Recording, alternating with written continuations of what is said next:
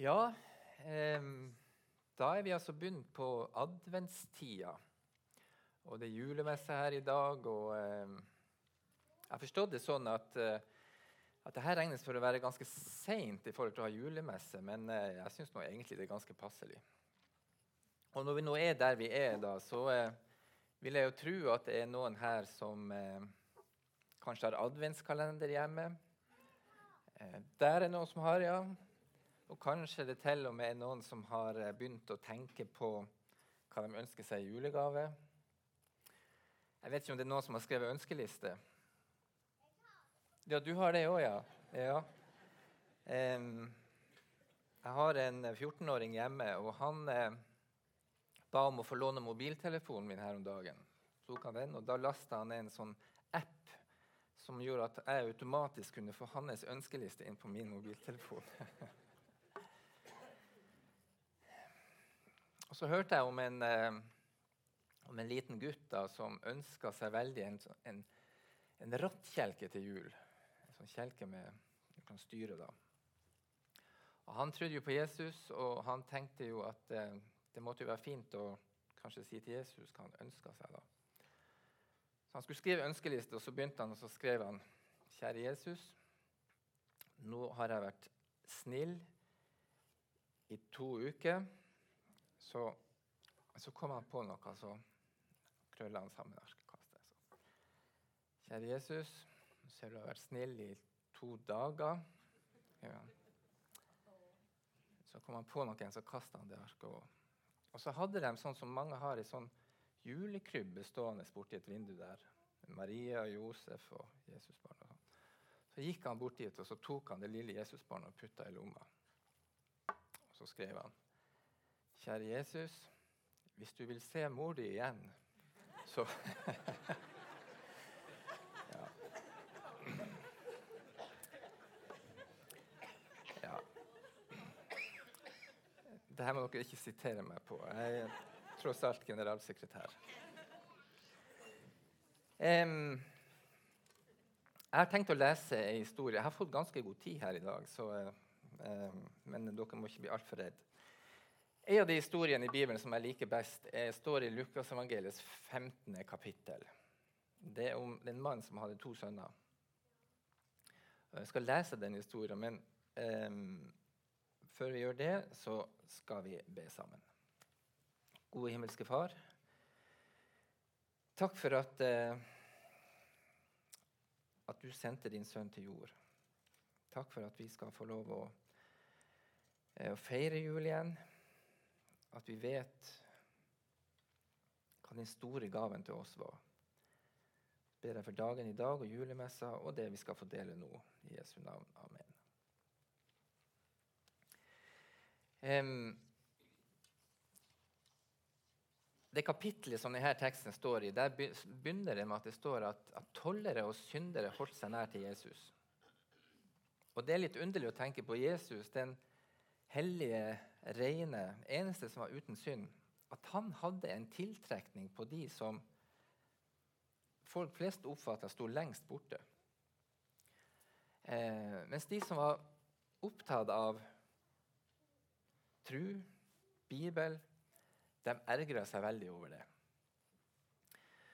Og når Jesus så det, så fortalte han tre lignelser som vi finner igjen i dette kapitlet. Og jeg skal lese den siste og lengste av dem. Og det står sånn.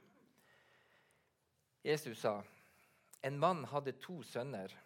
Den yngste sa til ham, Far, gi meg den delen av formuen som faller på meg. Han skiftet da sin eiendom mellom dem. Og ikke mange dager etter solgte den yngste sønnen alt sitt og dro til et land langt borte. Der sløste han bort alle pengene i et vilt liv. Men da han hadde satt alt over styr, kom en svær hungersnød over landet, og han begynte å lide nød. Han gikk da og tok arbeid hos en mann der i landet, og mannen sendte ham ut på markene for å gjete svin. Han ønsket bare å få mette seg med de belgene som grisene åt, for ingen gav ham noe. Da kom han til seg selv og sa, alle arbeidsfolkene hjemme hos min far har mat i overflod, mens jeg går her og sulter i hjel. Jeg vil bryte opp og gå til min far og si:" Far, jeg har syndet mot himmelen og mot deg. Jeg fortjener ikke lenger å være din sønn. Men la meg få være som en av leiekarene dine. Dermed brøt han opp og dro hjemover til sin far. Da han ennå var langt borte, fikk faren se ham, og han syntes inderlig synd på ham. Han løp sønnen i møte, kastet seg om halsen på ham og kysset ham. Sønnen sa, 'Far, jeg har syndet mot himmelen og mot deg.' 'Jeg fortjener ikke lenger å være din sønn.' Men faren sa til tjenerne, 'Skynd dere, finn fram de fineste klærne og ta dem på ham.' 'Gi ham ring på fingeren og sko på føttene.' 'Og hent gjøkalven og slakt den, så vil vi spise og glede oss.' For denne sønnen min var død og er blitt levende. Han var kommet bort og er funnet igjen. Og så begynte festen og gleden. Imens var den eldste sønnen ute på marken. Da han gikk hjemover og nærmet seg gården, hørte han musikk og dans. Han ropte på en av tjenerne og spurte hva som var på ferde. Din bror er kommet hjem, svarte han, og din far har slaktet gjøkalven fordi han har fått ham frisk hjem igjen. Da ble han sint og ville ikke gå inn. Faren kom ut og prøvde å overtale ham, men han svarte, Her har jeg tjent deg i alle år, og aldri har jeg gjort imot det du sa. Men meg har du ikke gitt så mye som et kje, så jeg kunne holde fest sammen med vennene mine. Men straks denne sønnen din kommer hjem, han som har brukt opp pengene dine sammen med skjøger, da slakter du gjøkalven for ham. Faren sa til ham, Min sønn, du er alltid hos meg, og alt mitt er ditt. Men nå skal vi holde fest og være glade, for han, din bror, var død og er blitt levende. Han var kommet, han var kommet bort og er funnet igjen. Det var lignelsen om de to sønnene. Eh, mange av dere kjenner den fra før. Litt lang tekst, men jeg håper dere klarte å henge med allikevel. To sønner hadde denne faren. Og Den yngste da kommer til faren eh, med ei bønn, egentlig. Eh, den teksten her lærer oss mange ting, men den lærer oss noe viktig om bønn. For det er flere og ulike måter å be på. Og Bønna til denne sønnen, yngste sønnen, det er 'Far, gi meg. Gi meg'. Han ba om å få arva si utbetalt på forskudd. Egentlig ganske frekt. Eh, han sier jo da at han egentlig ser fram til at faren skal dø. At han kan liksom få det her. Kommer han be 'gi meg'. Vil ha det allerede nå. Um, og det er vel sånn vi er, enten vi er voksen eller ungdom eller barn. Um, det faller oss naturlig å be sånn 'Gi meg, jeg vil ha'. Og heldigvis så er det sånn at vi, at vi kan legge alle ting frem for Gud med bønn og takksigelse, som det står. Men det som blir litt ransakende, det er at bønna vår er også et uttrykk for hva vi tenker om Gud, og hvilke forhold vi har til Gud. Eh, det er lett å bare tenke at det handler om å få fordeler og oppnå noe. Eh, og Sånn kan det være blant oss kristne òg. Noen ganger så hører vi at dette blir vektlagt på en måte som at det kommer ut av balanse på en måte. Hvis du bare tror nok, så skal du ikke bli syk, er det noen som sier. Vet at det ikke stemmer. Eller at vi bare Når vi nå trenger det, da kan vi få hjelp. Jeg hørte om en, eh, en mann som jobba med å reparere et kirketak. Og Det kan være ganske høyt og bratt. Og Så fortalte han om det her at han snakka med en venn og så sa han, vet du, i dag så gled jeg på taket. Eh, og jeg falt og gled ned taket. Ja, hva gjorde du da? spurte vennen. Jo, da ba jeg til Jesus. 'Jesus, nå må du hjelpe meg.' Og Så fortalte han, og så med det samme jeg kom over kanten, så hekta klærne seg fast i en spiker. Og jeg ble hengende, og så kom jeg meg inn i et sånt vindu der. Ja, spurte vennen. Hva du sa da? Jo, da sa jeg takk, Jesus. Nå, nå klarer jeg meg sjøl. Um, men det er en sånn stubb som sier noe om hvordan det kan være. Når vi har problemer, så er Gud god å ha. Men ellers vil vi klare oss sjøl. Ellers vil vi være herre i eget liv. Vi vil bare si 'gi meg' når jeg trenger. Men vi vil egentlig ikke la Gud være Gud. Alvoret, eller Et av alvoret som Bibelen forteller oss, det er det at, at Gud lar oss få det som, som vi vil, og, og, ber om kanskje litt for ofte. Denne sønnen som kom til faren og sa 'gi meg arven', han fikk faktisk det. Det står at Sønnen delte arven mellom dem. Og I romerbrevet så skriver Paulus at eh, om menneskene at fordi de ikke brydde seg om å ha kunnskap om Gud, overga Gud dem til deres egen sviktende dømmekraft. Tenk deg, Den friheten gir Gud oss. Eh, han har skapt oss til fellesskap med seg og med hverandre.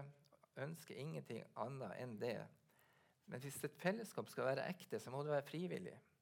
Eh, han vil at vi skal ha fellesskap med han for at vi ønsker det.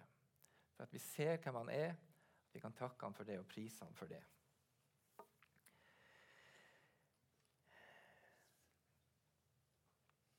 Og Så dro denne sønnen. da. Så gikk det ikke så bra.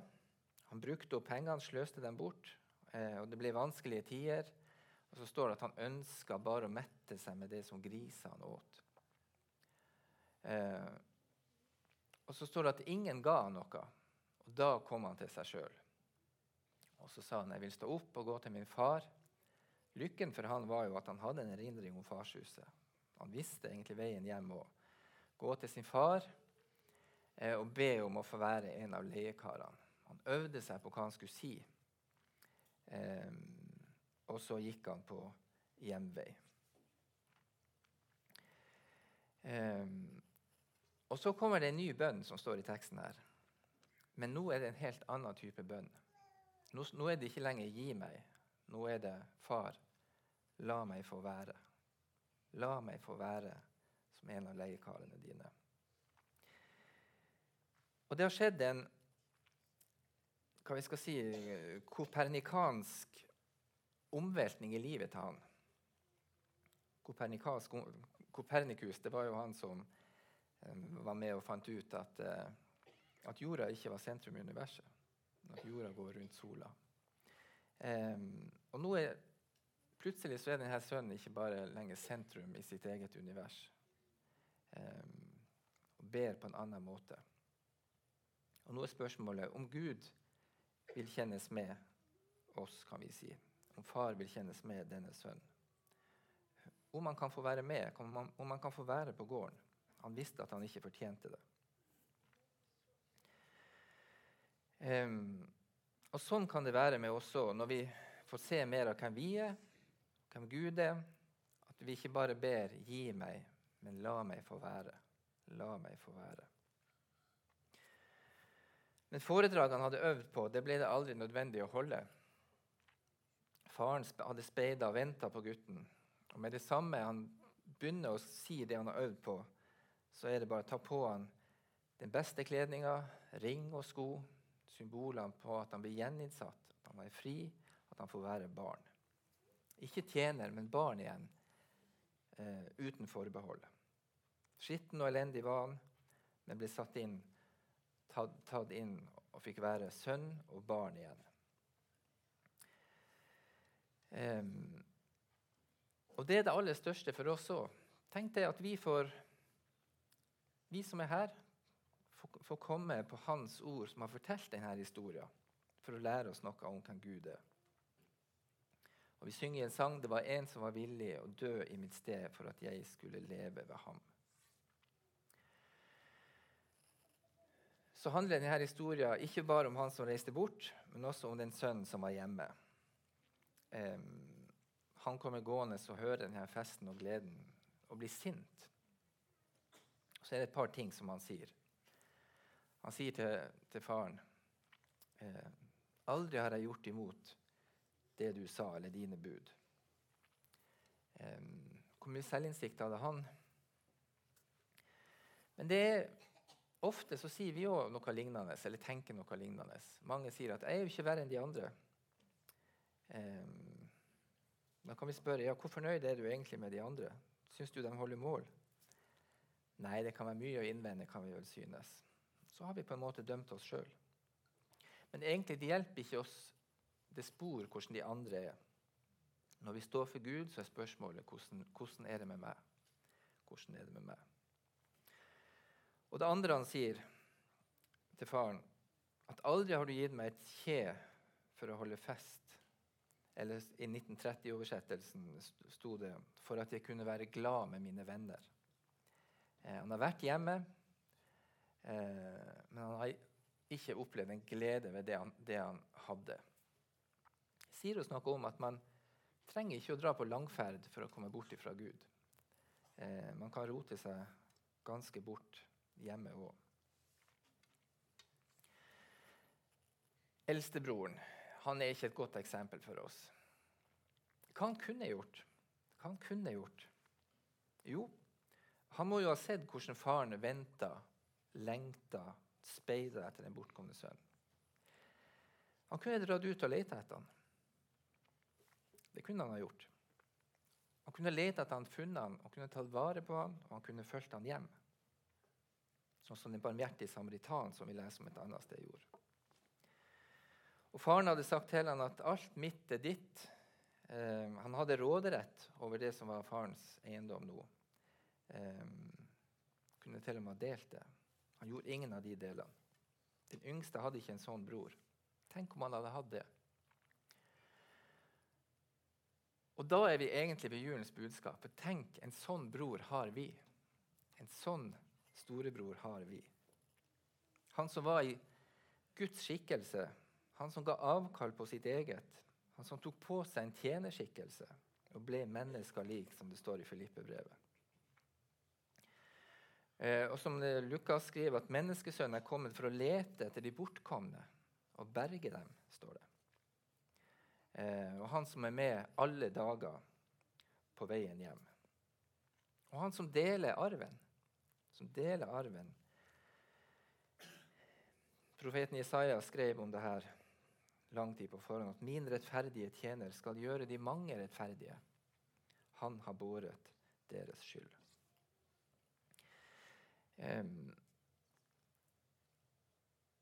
Misjonsbefalinga handler egentlig om at vi skal være sånne storesøsken. Eh, vi skal dele Gud, vår Fars, uro og omsorg for de bortkomne. Det er det misjonen handler om. Og det er det pengene fra julemessa skal gå til. Lina Sandell sier det så fint i en salme, eh, ene sangen hun har skrevet, at er det sant at Jesus er min broder, og at himmelens arv meg hører til? Og så bort med alle tårefloder, bort med alt som enn meg engste vil. Samme arv der oppe i det høye, samme himmel, samme Gud og Far. Herre, åpne blott mitt øye for de skatter jeg i sannhet har.